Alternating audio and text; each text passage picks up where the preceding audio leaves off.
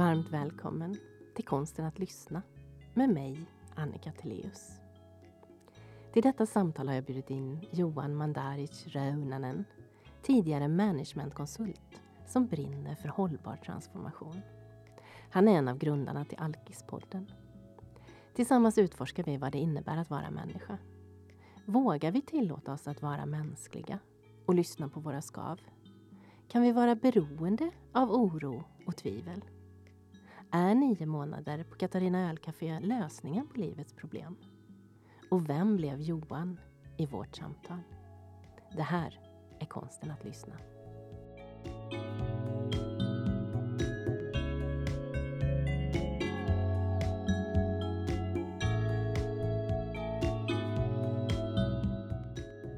Innan vi börjar så har jag en ritual. Mm. Jag har en poddbön och den går så här. Jag bjuder in den klokaste delen av mig till detta samtal. Låt mig vara öppen, äkta och närvarande. Låt samtalet vara varmt, utforskande och fullt av tillit. Låt oss ta fram det bästa i varandra och välkomna det som sker. Låt detta samtal bli ett fint minne som vi skapar tillsammans. Här och nu. Vad fint. Tack. Vad händer i dig? Jag känner mig välkomnad. Vad bra. Mm. Varmt välkommen Tack. Johan Mandaric Reunenen. Mm. Tack. Vad kul det känns att vara här. Det känns jättekul att ha det här samtalet. Jag tänker att vi ska utforska lite grann vad det innebär att vara människa. Mm. Den lilla frågan. Ja, jag- så jag tänkte att vi tar det på 45 minuter. så vi klarar sen. Vad innebär det för dig att vara människa? Ja, vad innebär det att vara människa? Men jag, säger, jag, in- det- jag tänker att det innebär väldigt många olika saker som man behöver hantera. Eftersom vi som består av massa olika tankar och känslor och drömmar och våra fysiska kroppar. Och vi består av dåtid och nutid och framtid. Och, och allt det där försöker vi, eller jag i alla fall, hålla ihop i det som är det mänskliga. Uh, och jag, jag brukar gilla att tänka på vad är det då att inte tillåta sig själv att vara människa till exempel. Eller vara mänsklig kanske. Och det är eh, för mig till exempel att Ja men till exempel i vårt supermoderna samhälle fullt av konsumtion och så vidare. Så är det nästan snarare så att vi är konsumenter än människor. Till exempel att vi det är inte så tillåtet kanske att känna sig eh, känna sig lite osäker eller känna sig lite svag ibland eller ja, kanske lite rädd. Det är de här känslotillstånden i alla fall som vi kanske inte pratar om så mycket. Det som inte premieras. Och då är det så lätt att tänka att det där är fel eller att det där är dåligt. Och sen så kommer vi någonstans längre och längre bort ifrån att ha kontakt med det där. Och då blir det där bara läskigare och läskigare för oss. Och så till slut behöver vi hitta andra sätt att hantera det. Till exempel genom missbruk eller eh, ja, vi kan ju försöka shoppa oss lyckliga eller försöka fylla det där hålet som vi som jag tror många känner. Och som egentligen inte är något konstigt. Det är bara det att vi inte riktigt pratar om verktygen som vi skulle kunna använda för att hantera det. Och där är vi i alla fall inne på en facett av vad det är att vara människa, tror jag. Vilken fin beskrivning. Hur har din egen resa sett ut?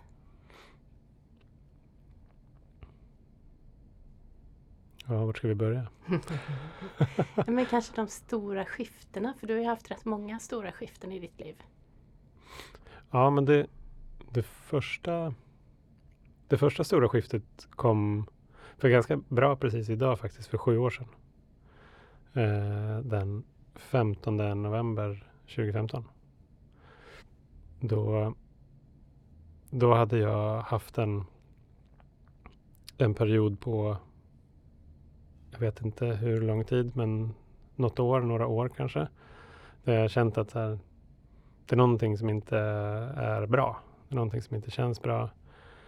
Eh, jag hade en, en upplevelse av livet. Att alla andra runt omkring liksom förstod vad livet gick ut på. Och jag kommer ihåg så väl när jag funderade på så här.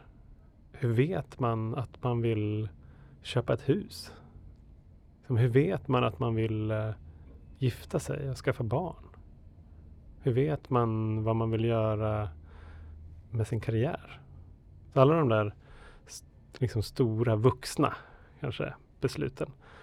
De hade jag, då var jag 35. Jag kände så här, jag vet inte det där. Och jag visste inte heller hur jag skulle komma till att veta. Utan eh, mitt, mina verktyg, om vi får koppla tillbaka till det då, det var eh, väldigt mycket festande.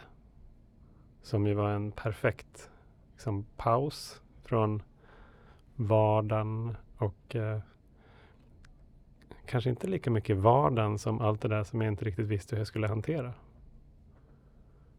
Um, och sen så eh, jobbade jag mycket. Jag tänkte ja men det är i alla fall bra. Det är ju någonting som, som man inte kan säga att det är dåligt. Ja, här har vi en kille som är så seriös och satsar på karriären och så vidare. Så ja.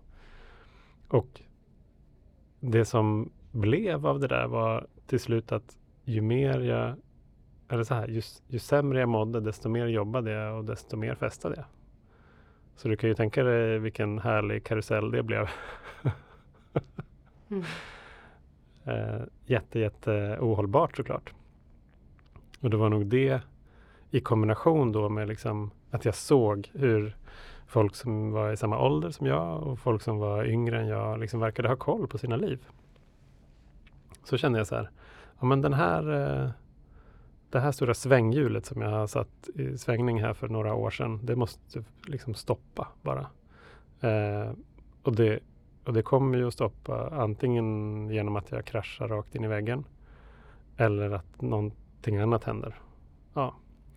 Och då Eh, Den insikten hade du själv? Ja, men jag hade i alla fall en känsla av att så här, det här är inte hållbart.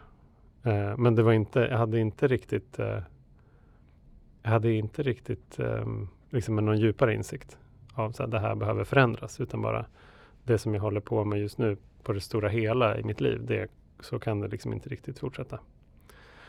Så min, min lösning inom citattecken då på, på det där, det var att jag skulle ta tjänstledigt från jobbet i nio månader. Och så skulle jag sätta mig på Katarina ölcafé på Söder och så skulle jag dricka öl.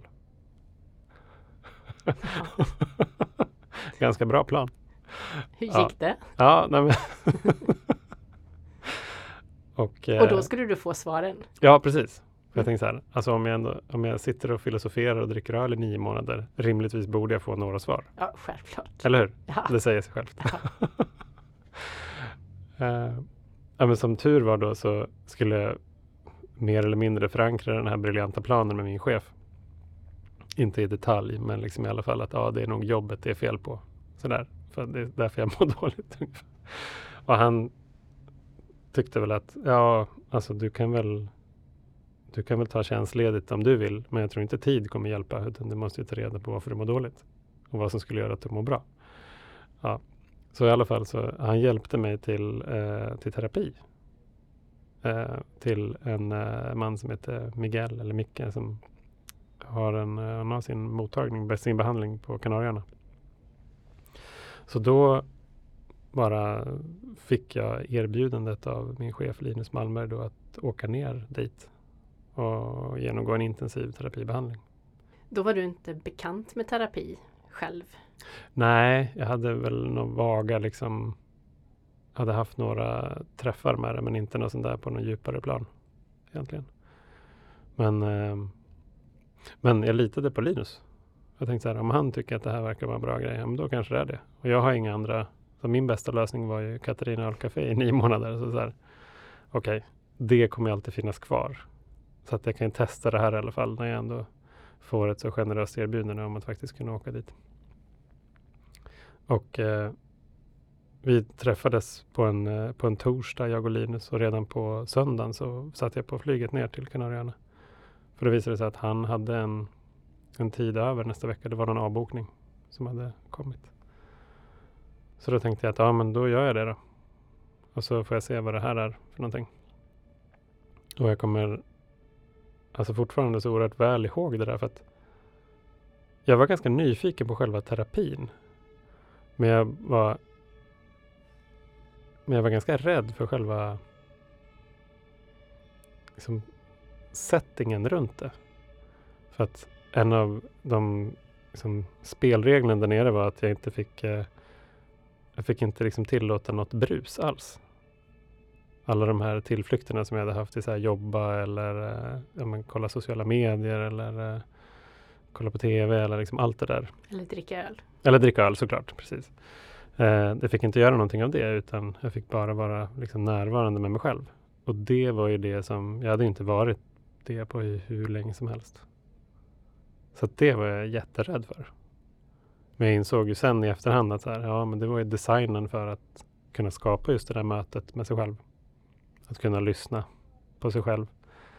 Eh, för att när jag är inne i allt annat så gör jag ju inte det. Då flyr jag egentligen bara bort.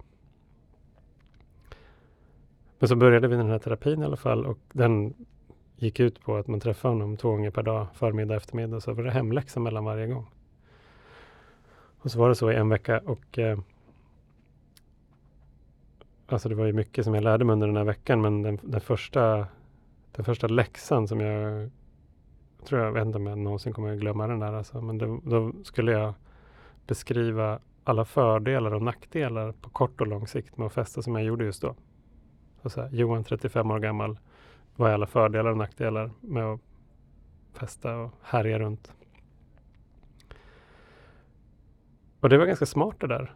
För jag tror att allt vi gör har inte bara negativa konsekvenser. För då hade vi aldrig gjort det. Utan det finns alltid någon positiv liten grej i det där. Och den kan vara minimal, men den finns där. Eh, och när jag kollade på liksom på hur jag festade då liksom på kort sikt så fanns det både fördelar och nackdelar som jag hittade. Så här, fördelarna var att men det hände massa roliga grejer. Träffade massa härliga människor och får en paus från vardagen och sådär. Och nackdelarna, ja, så det går ganska mycket pengar till exempel. Jag är ganska trött på jobbet. Men ja, om jag bara kollar på kort sikt så är det ganska liksom, jämnt. Då, då hade jag nog fortsatt. Men så när man vänder det där liksom till ett lite längre perspektiv så insåg jag att den enda, den enda fördelen jag kunde hitta var att jag får ett brett nätverk. det är ganska kreativt. Mm. Men och det var ganska många grejer på listan av nackdelar på lång sikt med fästa som jag gjorde just då. Men de fem översta var typ jag kommer, jag kommer dö i förtid. Jag kommer att förlora mitt jobb. Jag kommer att eh, förlora Josefina som jag var tillsammans med och som jag är gift med idag. Eh, jag kommer att vara ensam. Jag kommer inte ha så många vänner kvar och jag kommer inte bli pappa. Och det var ju det som jag behövde få syn på. Och det här fick du syn på redan första dagen? Ja, första dagen var det. Jag tror att vi hade haft ett möte och så var det så här det var nog under andra. Eh, men det var liksom perfekt timing för att göra den där övningen. Och perfekt setting. Det var så här, okej, okay, jag kan inte sitta och ljuga för en terapeut som jag liksom flugit sex timmar för att träffa. Det kanske jag hade gjort om jag hade träffat någon i Stockholm. Jag vet inte. Jag tycker det är intressant att du säger att du inte vill ljuga för honom. Nej, precis. Hur såg du på dig själv?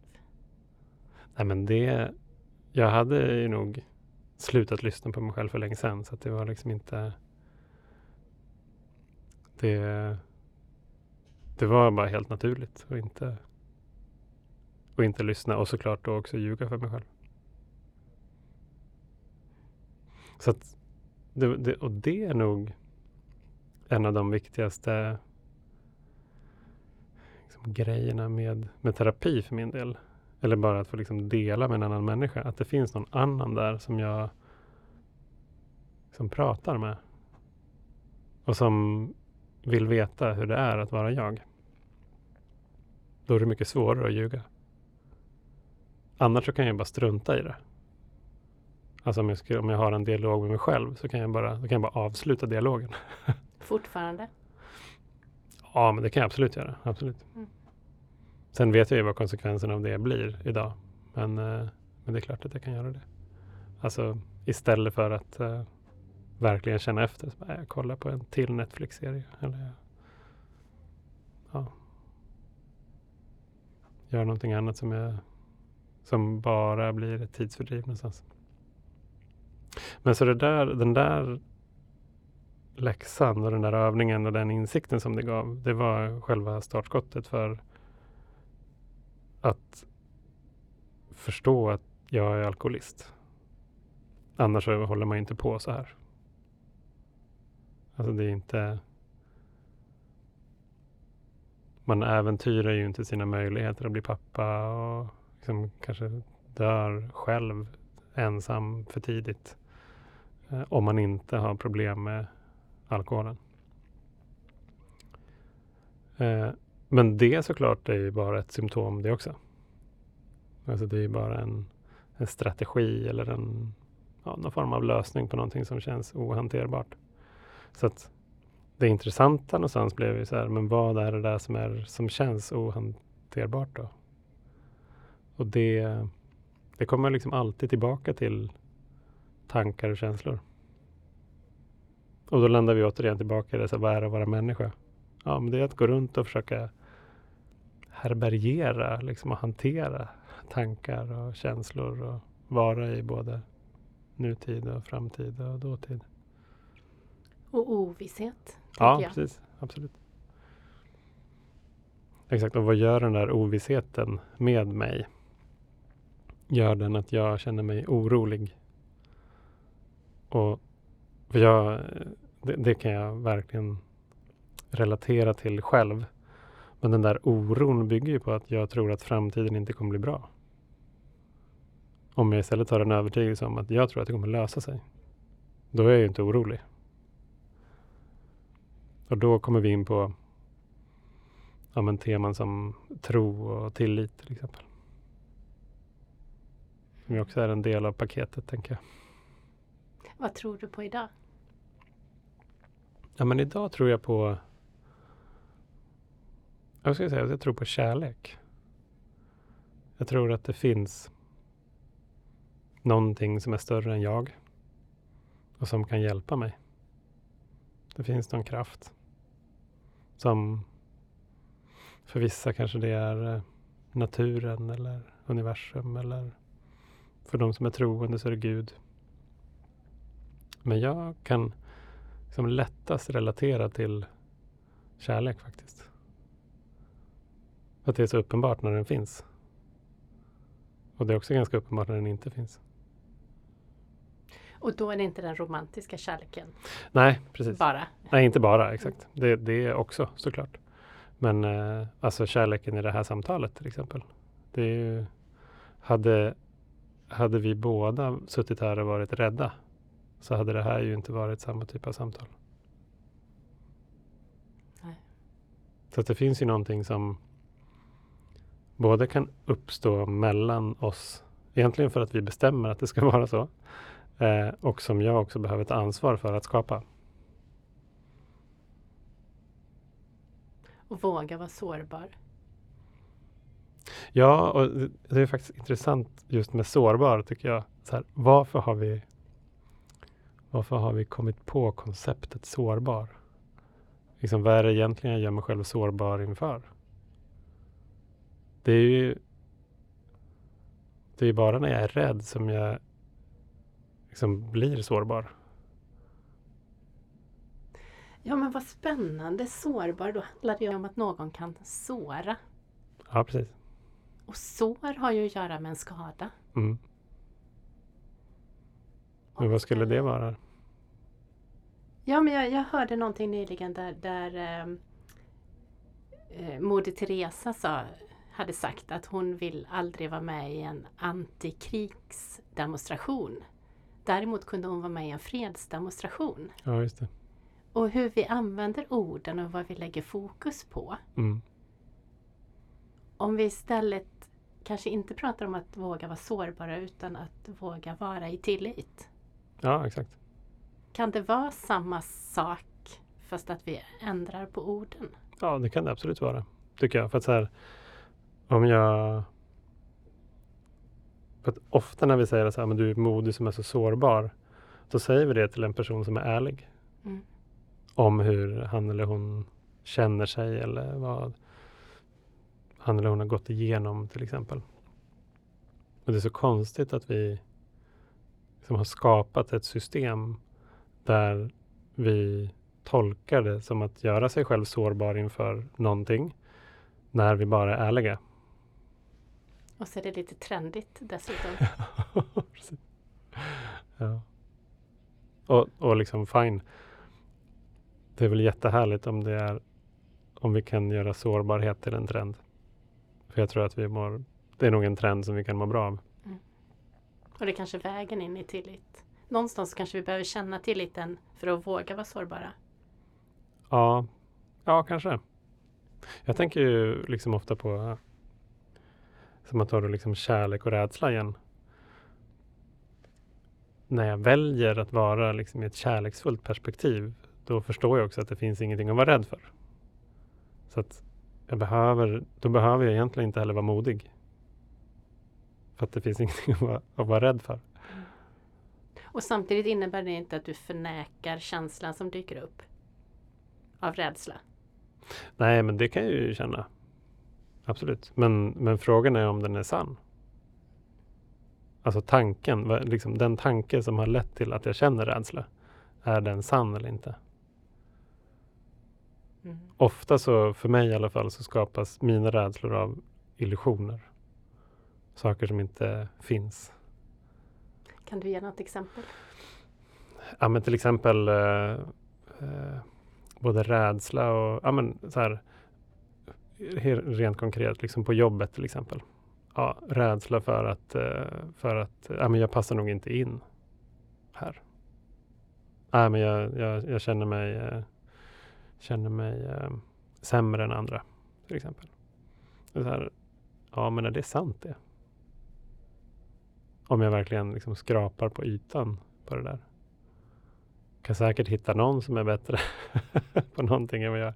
Men det behöver ju inte betyda att jag måste vara rädd för att inte få vara med. Eller en annan sån grej som jag jobbar rätt mycket med faktiskt, det är liksom min oro för framtiden. Och det, den kan ju vara funktionell i det att ja, vi kanske inte ska blåsa alla pengarna vi har. Det kanske är bra att ha en liten buffert. Eh, inte oroa om vi bara tänker att allt kommer att lösa sig så vi, liksom, vi, vi sätter sprätt på alla pengarna. Det kanske inte är så ansvarsfullt. Men det är heller inte så ansvarsfullt tänker jag att oroa sig för liksom, alla möjliga scenarion och omöjliga scenarion och låta det påverka väldigt negativt i nuet.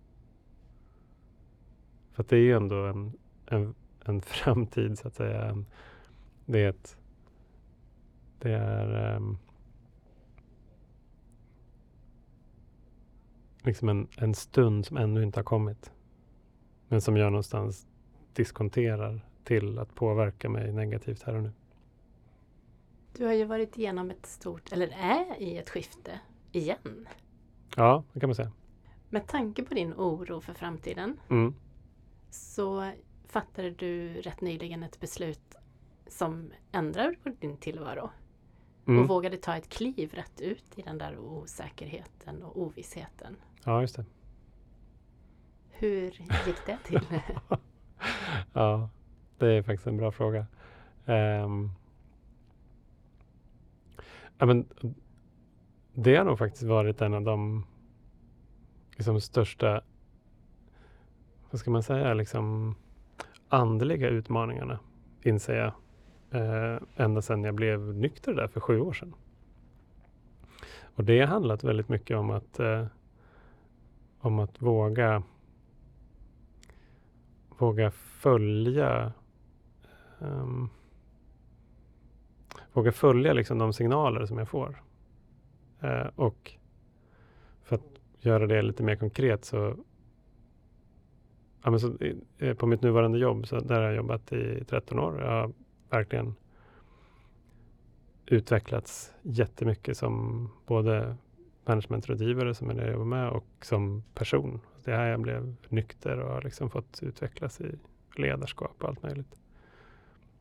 Men så för ett tag sedan började jag känna så här, ja, men det kanske är dags att göra någonting annat. Liksom att testa, testa liksom mina förmågor i en helt annan kontext.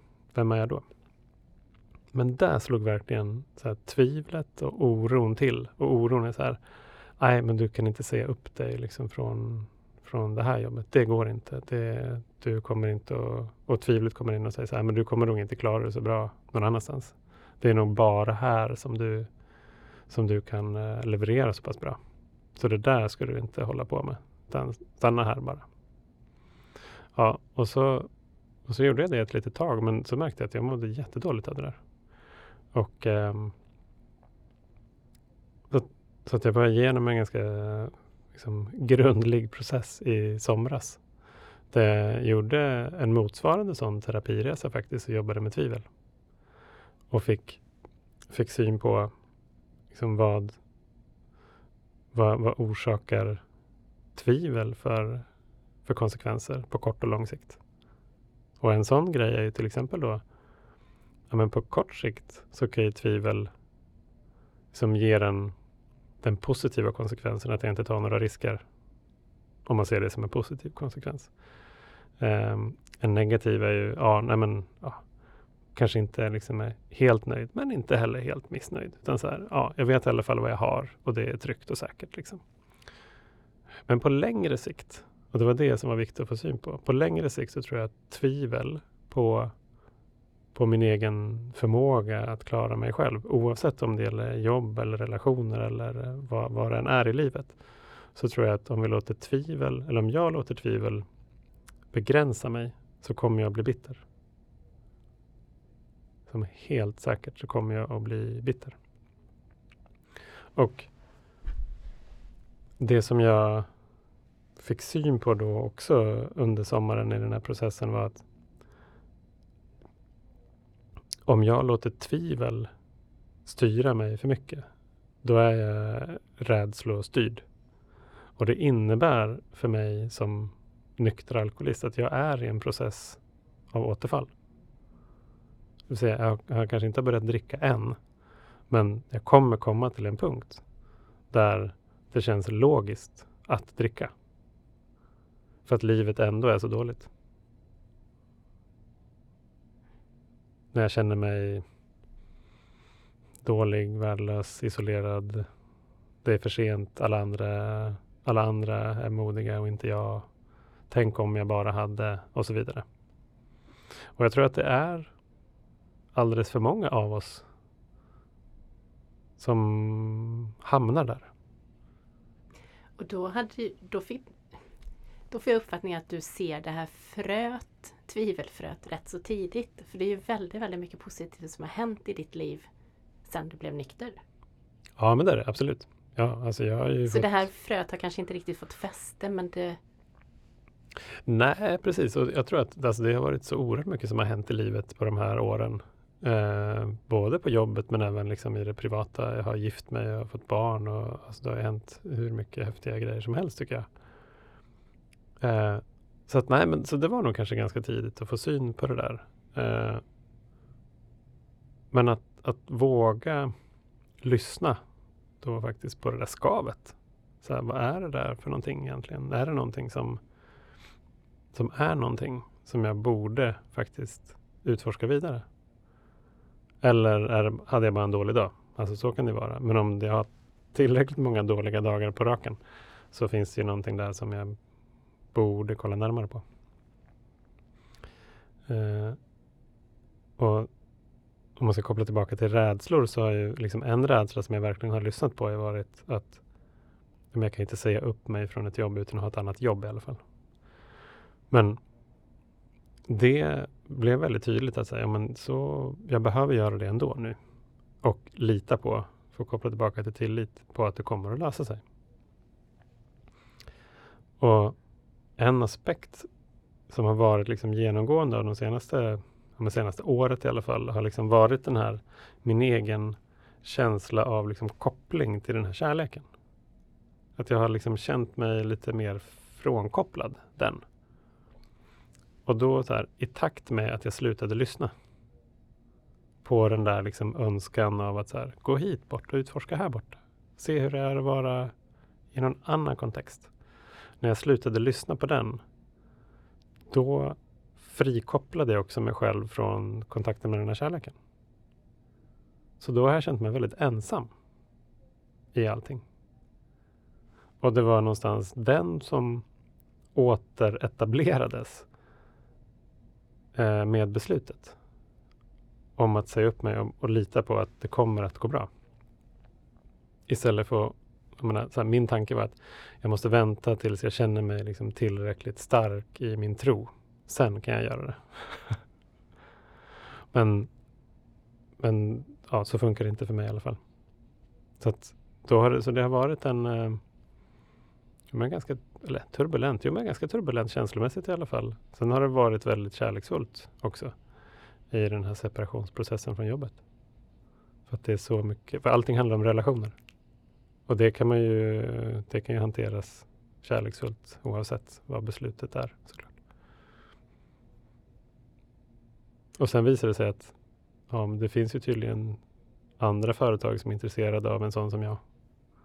Det fanns ju andra jobb som också var intressanta. Men som är på ett annat spår. Och som gör precis det som jag vill utforska. Mm. För att du vågade ta klivet innan du visste? Ja, precis. Annars hade, det inte, annars hade jag inte varit där jag är idag. Nej. Verkligen. För att det blir också en helt annan... Ja, men att, staka, att våga staka ut en riktning tror jag.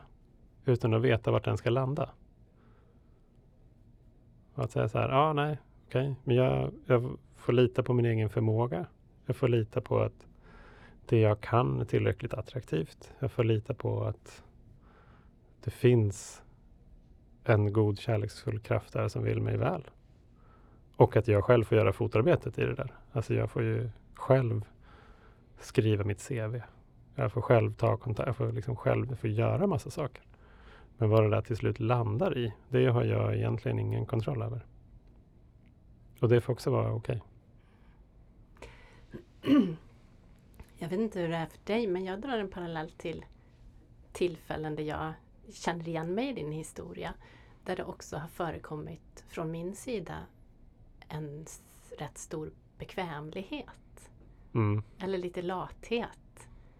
Eh, som har lett till att jag inte har fortsatt utforska utan åh, jag har ju det så bra här. Mm, mm. Och så har den där lusten att utsätta sig för det som man inte vet hur det ska gå försvunnit i det. Mm. Och för mig finns det någon rätt stark livslust i det är nog det som du förklarar som kärlek. Mm. I att upptäcka och ut, fortsätta utforska. Just det. Ja, precis. Det tror jag också. Vi reflekterade över det i somras faktiskt. Att, så här, att den där, när jag sätter stopp för det utforskande så är det som att jag som sätter stopp för energin som vill flöda. Liksom livsenergin, kanske livslusten.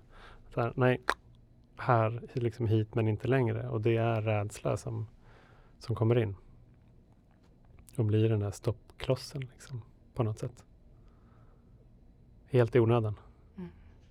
Sen så tror jag, för egen del så var det ganska mycket ego som också fick en, en brottningsmatch. Och hur skulle du beskriva ego? Ja, men, ja, det, det är också en, en, stor fråga. Men jag tror att det, det är också väldigt mycket i att vara människa. Faktiskt.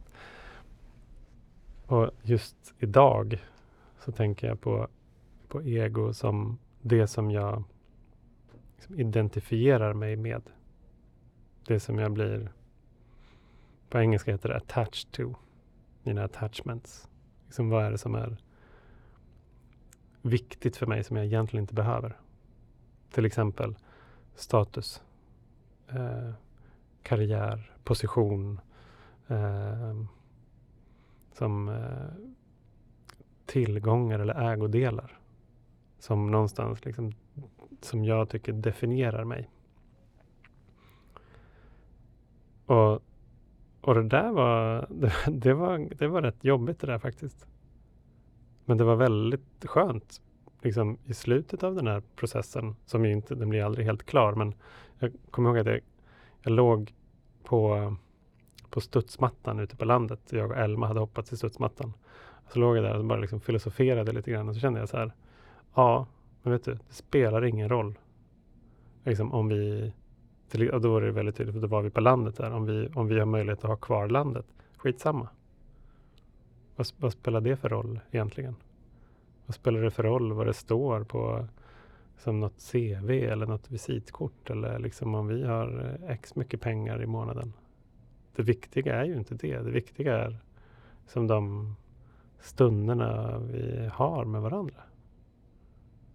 Och då var det så här, okej. Okay. Då, då kunde det få gå som det, det, går. Det var inte så att jag kan vara helt arbetslös och liksom helst vill vi man kanske bo kvar i den lägenheten vi har, men vi behöver inte ha allt som vi har idag nödvändigtvis. Och det tror jag också är en sån grej som, som det är väldigt lätt att fastna i som människa. Att säga, nej men vi vill inte ha mindre, vi vill ha mer. Och jag vill inte ha det sämre, jag vill ha det bättre. Och med, med bättre så är det också lätt att mena att ha mer saker. Ett större hus, en större lägenhet, en till bil, en, men till slut så är det, har vi fastnat i någon form av gyllene bur. Som vi... Ett maskineri som vi tror att vi måste upprätthålla för att någonstans vara lyckliga inom citattecken igen då. Men vi glömde bort att den här lyckan definierade vi genom saker. Och sen var det inte alls det som egentligen var det som gjorde oss lyckliga. Utan det var alla de här liksom på ytan då kanske banala sakerna. Som att få vara tillsammans vid frukostbordet en tisdag morgon. Det är helt gratis. Mm. Och gå barfota i gräset. Ja, exakt. Mm. När jag gjorde ett liknande kliv, mm. när jag hoppade av från H&M så bestämde jag mig för att börja mäta framgång i gåshud. Ja, just det. Det tycker jag är helt eh, fenomenalt. Det gjorde sån stor skillnad för mig. Mm. För det var ju också det här jag levde med att ja, men kan jag hoppa av från ett jobb på, ett, på en jättebra arbetsplats mm. där jag har väldigt, väldigt roligt och tjäna bra. Mm. För den här ovissheten som jag inte... För att jag har en längtan efter att ja, men jag ska sprida lyssnandet och vikten av att lyssna. Mm. Men att då mäta i, ja men tänk, tänk den dagen när jag dör. Mm. Vet ju inte hur långt det, bort Nej. det är. Men att, att ha den där tanken nästan på en gravsten där det står Hon fick massor med gåshud. Mm, ja, exakt. Mm. Och just att det är ett, det är ett när, närmast fysisk mätbarhet. Mm. Och den är helt individuell. Vad är det som ger mig gåshud? Ja, exakt. Vad är det som ger dig gåshud? Bra fråga. Men ofta så är det förknippat med lugn. Att, eh, ja, men så här, att, att vara hemma med Josefina och Elma Egentligen bara, ofta så är det på helgen för oss. Just nu så är det kanske därför som landet är viktigt, för att det är där som vi har liksom skapat en lugnare plats. Det blir en fysisk förflyttning från någonting som vi, i alla fall jag, förknippar mer med kanske jobb och vardag till någonting som vi förknippar med att vi har ett projekt tillsammans. Och att eh, tror också att vara nära naturen. Att få se, och jag är fortfarande ganska ovan ska jag säga, att vara det. Jag känner liksom att det är lite så här uncharted territory för min del. Eh, men det finns någonting väldigt, väldigt lockande i det där. Att det är så rent. Det är liksom en annan definition av perfekt. Som inte, som inte vi kan med våra andra modeller förklara. Ungefär som gåshud. Mm. Ja, men vadå, är det exakt ett eller tio? Nej, inget av det. Nej, jag tror att ja, det är nog liksom alltid, eller alltid, men för allra mesta liksom i relation till andra. Om jag inte bastar. Det är också gåshud. Och då kan du vara själv? Ja, då kan jag vara själv. Mm. Det är underbart. faktiskt. Mm. Jag vill skicka med till dig som lyssnar den här tanken på vad ger dig gåshud? Hur skulle ditt liv förändras om du började mäta saker och ting och se till att utsätta dig för situationer där du får gåshud? Mm. Tänk om vi skulle ha en KPI i mm. företag mm. som mätte gåshud. Vad skulle hända då? Ja, precis. Vad skulle hända då? Men innan du tog det där klivet, visste du då vad som gav dig gåshud?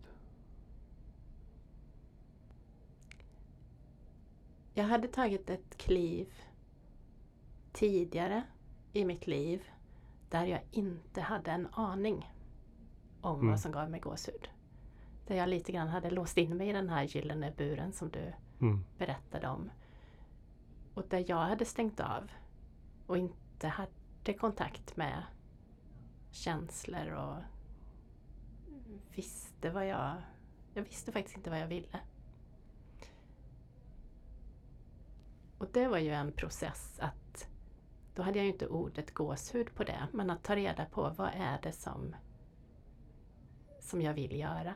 Mm. Vad är det som får mig att känna? Och det var ju en väldig blandning mellan att vara utomhus och att bjuda hem kompisar på te mm. till att eh, stå på scen. Ja, just det som en annan form av gåshud. Mm. Ja, de kommer, det är lite olika kontexter. Ja. Så att det både, och, och jag tror att det är någonting med min gåshud också tror jag att det är kontraster i den. Att det mm. finns både det där storstad och landet. Eh, att eh, vara bland mycket människor och att vara alldeles själv. Mm att vara ute och plocka kantareller. Eller att eh, spela in podd. Mm. Tror du att det kan ha någonting att göra med när jag tillåter mig själv att vara människa?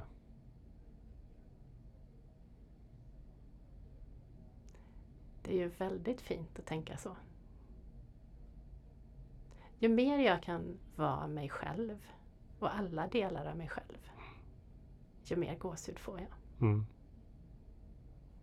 För jag tänker att du aktiverar ju säkerligen en del av dig när du är på scen, föreläser. Som är en del av det där liksom gåshudsframbringande. Och en annan del när du är i skogen och plockar kantareller. Mm. Men det är liksom att så komma i kontakt bara tänker på mig själv också. Jag känner inte så mycket gåshud när jag stressar runt och eh, försöker eh, prestera eller eh, oroa mig för framtiden direkt. Då är det, då är det minimalt med gåshud.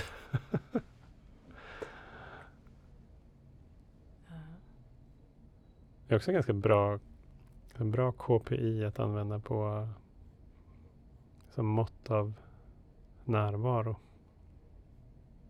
För jag menar, du skulle ju kunna vara skulle kunna vara i skogen och vara helt icke-närvarande. Mm. Bara så här, oj, jag tänker på jobb eller du kanske pratar med en kollega medan du går och bara, bara är. Eller inte alls är närvarande när du står på scenen. Till exempel. Mm. Det går ju. Ja, fast då uteblev ju gåshuden. Ja, exakt. Då uteblir Ja, gåshuden. ja. Exakt. Och jag har lagt till också att jag mäter faktiskt inte bara min egen gåshud. Utan jag mäter även gåshud som jag har orsakat hos någon annan. Ja, just det. Det är bra. Så är det någon som kommer fram efter en föreläsning och säger att jag blev så berörd. Mm. Jag fick gåshud när du berättade den historien. Då kan jag sätta en liten Ja, just det. yes. Ja, Då kan jag också få räkna den. mm. ja definitivt. Jag tror att vi ska knyta ihop vårt samtal om att vara människa Mm. Med att summera att det kanske är att få gåshud. Jag gillar den. Mm. Det är också så här, jag menar, att utforska för mig själv. Vad är det som ger mig gåshud? Vad är det för typer av sammanhang? Vad är det för personer jag är med? När, när får jag det när jag är själv? Eller så här, men jag kanske har jättesvårt för det själv. Okej, varför då? Jag har ofta varit rädd för att vara ensam. Mest för att jag liksom om jag kanske är ovan att vara det och är liksom osäker på vem jag ska träffa där på andra sidan egentligen. Sen efter ett tag så inser jag men det är ingenting att vara rädd för där. ja. Jag tänker på en historia när, min, när jag hade träffat min man mm. som jag är gift med idag för många år sedan så eh, tog jag med honom till min syster väldigt, väldigt tidigt. Vi hade varit ihop ett par veckor Mm. och hon bor långt ifrån så att det var en så här, vi fick åka ner en helg. Och sen när jag kommer tillbaks till jobbet på måndagen så ställer min kollega Astrid en fråga till mig. Och jag tror att det är en av de bästa frågor jag har fått i mitt liv. Mm. För hon frågar inte vad min syster tyckte om Martin Mm. som jag då hade med mig. Utan hon frågade Vad tyckte din syster om dig ihop med honom? ja, just det. Det var en klok fråga. Ja, visst var den fin? Mm. Vem blev jag Ja, just det. i den relationen? Vem blev du? Jag blev en version som jag själv tyckte om. Som vågade utmana mig lite mer. Mm. Och eh, som samtidigt kanske började resan mot gåshud. Mm. Och att växa i kärlek. Det är inget litet bidrag. Nej. Vem har du blivit i det här samtalet? Ja, men jag tror lite mer av eh, Johan bara. Vem är jag utan de här inte bara titlarna utan liksom rollerna. Jag behöver inte vara pappa eller maka eller affärsutvecklare eller chef eller vara människa. Det är väldigt härligt. Och det är ofta där som, alltså det är klart att vi kan ju mötas i alla de här olika rollerna. Men jag tror att jag och många med mig känner en saknad efter att bara få träffas som människa. Vi behöver inte vara någon annan. Stort tack för att du kom hit och var människa Johan. Tack för inbjudan och tack för din fina podd. Tack.